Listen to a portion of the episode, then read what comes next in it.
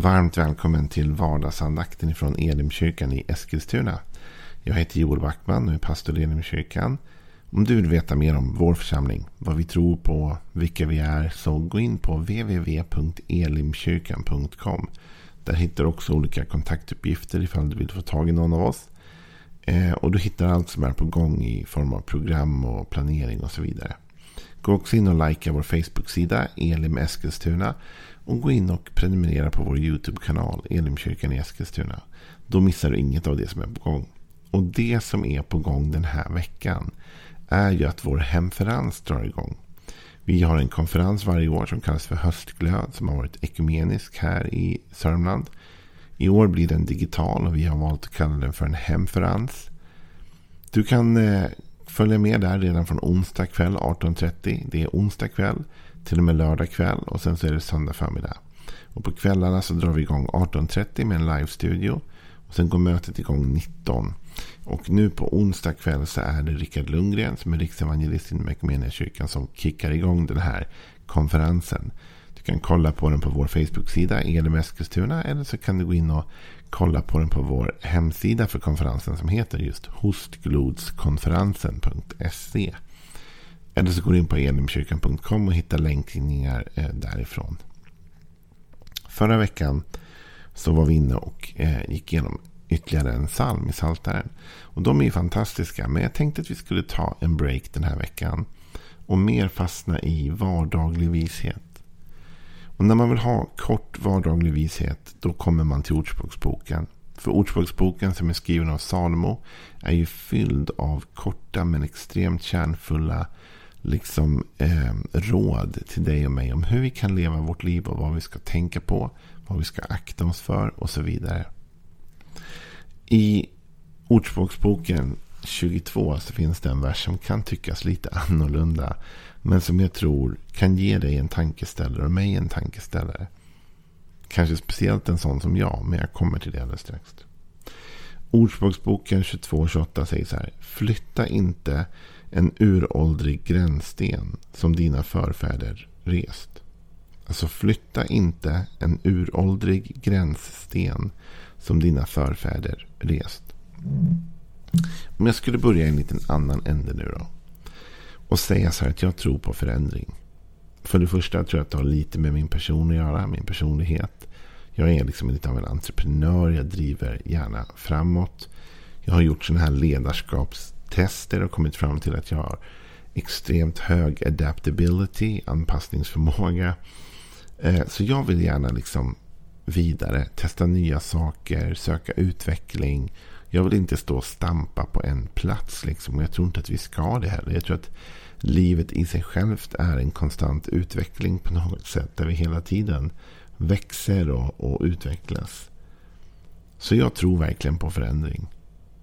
Jag tror att man måste våga möta det nya som kommer. Och det är jag stolt över att vi i Elimkyrkan har gjort. Vi var ganska snabba på pucken vad det gäller att ställa om till digitalt. Och vi var inte alls där, där vi hade liksom, vi hade inte filmade gudstjänster. Vi hade inte sånt alls. Vi hade lite hemgruppsmaterial och annat vi hade filmat. Men, men ingen gudstjänstverksamhet. Och när covid kom och tvingade oss i förändring. Så var vi snabba på att ställa om digitalt med inspelade gudstjänster. Med vardagsandakten som du lyssnar på. Med många andra saker. För att möta den förändring vi var tvungna att ta. Covid har ju tvingat många till förändring. Kraftig förändring. Och i mångt och mycket kommer det vara också positiv förändring som kommer hålla i sig långt efter att covid har försvunnit. Ja, men sån förändring tror jag på. Sån förändring som handlar om att anpassa sig efter tidernas förändring. Liksom. Det som händer just nu och som vi bara måste anpassa efter. Jag tror också på förändring i meningen liksom att, att vi måste våga det nya språket, den nya kulturen. Vi måste våga få evangeliet i ny form och färg, höll jag på att säga. För att liksom verkligen nå ut och för att skapa något nytt. Jag tror mycket på förändring överlag. Men sen finns det saker som inte bör förändras. Det tror jag också på. Ordspråksboken för, Ordspråksbokens författare säger flytta inte en uråldrig gränssten. gränssten i det här fallet, om man läser bibelkommentarer och annat, handlar med största sannolikhet om en geografisk gränssten. Det vill säga att det satt en sten någonstans som markerade en tomtgräns. Som markerade ägandeskap. Det här är vår mark och det där är din mark. Och en del bibelkommentatorer de talar om den här versen som att, att man ska vara försiktig att beträda någon annans mark eller ta någon annans mark. Utan man ska hålla sig till den mark som är ens egen. Och så kan det mycket väl vara tänkt att tolkas och, och vara. Men jag skulle vilja ge dig, eftersom det här är en andakt nu och inte ett djupblodat bibelstudium liksom där vi går in i grundspråk och annat. Utan det här är en andakt. Så vill jag ge dig en tanke. Som jag sa, i ena vågskålen tror jag oerhört mycket på förändring. Och längtar efter mycket mer förändring. I mitt eget liv, i min församling och på olika platser. Men jag har också sinnes... Vad säger man? Förmåga att urskilja att det finns vissa gränsstenar, gränsdragningar som inte bör flyttas på. Och som kanske har varit generation till generation. Det finns saker som vi behöver. Varför? Därför de skapar stabilitet. Det finns gränsdragningar gjorda som hela samhället bygger på. Och det finns gränsstenar dragna som ditt och mitt liv borde bygga på. Som man inte kan flytta på hur som helst. Eller som om man flyttar på får oerhörda konsekvenser. Ja, det handlar inte om psalmsång i kyrkan eller inte. Det handlar inte om vilka kläder man ska ha på sig. Det är inte den typen av gränser jag pratar om nu. Jag pratar om de djupare gränserna. De gränser som de gränsstenar som har blivit fundament för vår tro. Och som har varit ett fundament i våra förfäders liv och långt tillbaka i historien så finns det fundament som vi har byggt vår kristna tro på. Och de säger Ordspråksbokens författare att man ska inte flytta på dem. Du vet, det finns någonting, kan finnas någonting i vår längtan att driva framåt. I vår längtan att inte bli som våra föräldrar eller som generationerna som har varit, vad vet jag. Så finns det något rebelliskt i oss som ibland nästan bara måste trycka bort allt det som har varit. Och kanske kan det ibland bero på att vi inte alltid har sett eller fått den förnyelse eller förändring vi längtar efter. Och, och det är naturligt då att då känner man en frustration över att, att den förändring jag längtar efter den syns inte, den märks inte, den får inte utrymme. Det stoppas på något sätt. Och då blir min reaktion att riva ner det gamla som har varit. Att inte liksom acceptera det. Men om vi flyttar för mycket på de uråldriga gränsstenarna så kommer vi snart upptäcka att vi tappar helt och hållet stabilitet. Helt plötsligt vet vi inte vilken mark som är vår. Helt plötsligt vet vi inte vad vi ska tro. Helt plötsligt håller inte det ihop längre. Då säger du kanske så här, Joel, kan du ge mig någon, någon liksom, eh, något exempel på vad skulle en uråldrig gränssten kunna vara? Jag kan faktiskt ge dig flera på en gång, kanske upp till tio. Bara på en hand. Tio Guds bud. Vet du, när Mose kom med, med tio Guds bud på de här stentavlorna. Så kan man säga att det var en gränssten. Det var en, en sten som skulle markera gränsdragning. Det här är okej okay och det här är inte okej. Okay. Och det skulle inte bara vara för den tiden. Det skulle inte bara vara liksom på, på, på de årtalen där eller under ökenvandringen. De här stenplattorna kom med sådana gränsdragningar som var tänkta att gälla framåt. för kommande generation och för kommande generation och för kommande generation. Det här skulle vara stabiliteten för det israeliska folket. Och det som är spännande är att mycket av det är stabilitet nu i vårt land, i Sverige. Flera av tio Guds bud är ju lagstadgade i Sverige. Du får inte mörda till exempel. Eller du får inte bära falskt vittnesbörd. Flera av de här sakerna är ju lagstadgade här och gränsdragningar i vår juridik. Men från början var det gränsdragning från Guds sida. Det var en gränssten. Och sådana stenar ska man vara försiktig att flytta på. Det är en sak att flytta på det som är kulturellt. Musikstil, klädstil, olika saker, olika uttryckssätt, olika konstnärliga uttryckssätt. Allt det där förändras genom tiderna och, och med tiderna. Och mycket av det där kan vi förändra utan minsta lilla problem. Möjligtvis annat än sentimentala problem hos en del människor. Men det finns inget andligt problem med att byta musikstil eller klädstil eller vad det nu kan vara i kyrkan. Liksom, utan det är mer kulturellt betingat. Däremot finns det gränsdragningar som våra förfäder satte upp. Ledda av den heliga ande för att skapa stabilitet i församlingen i våra liv. De gränserna måste vi vara försiktiga med.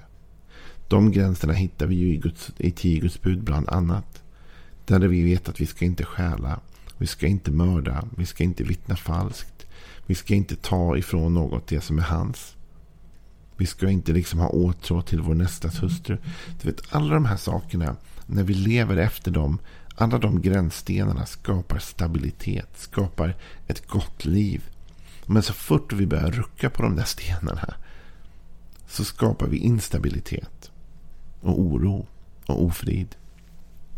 Det kan ju vara någon som känner alltså jag ska absolut inte bli som mina föräldrar. De, de kunde aldrig ljuga eller de kunde aldrig göra någonting. Men jag kan minsann balansera.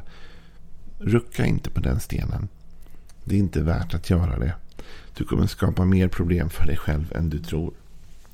Jag ska läsa om en sån sten som sattes upp också i en man som hette Isak.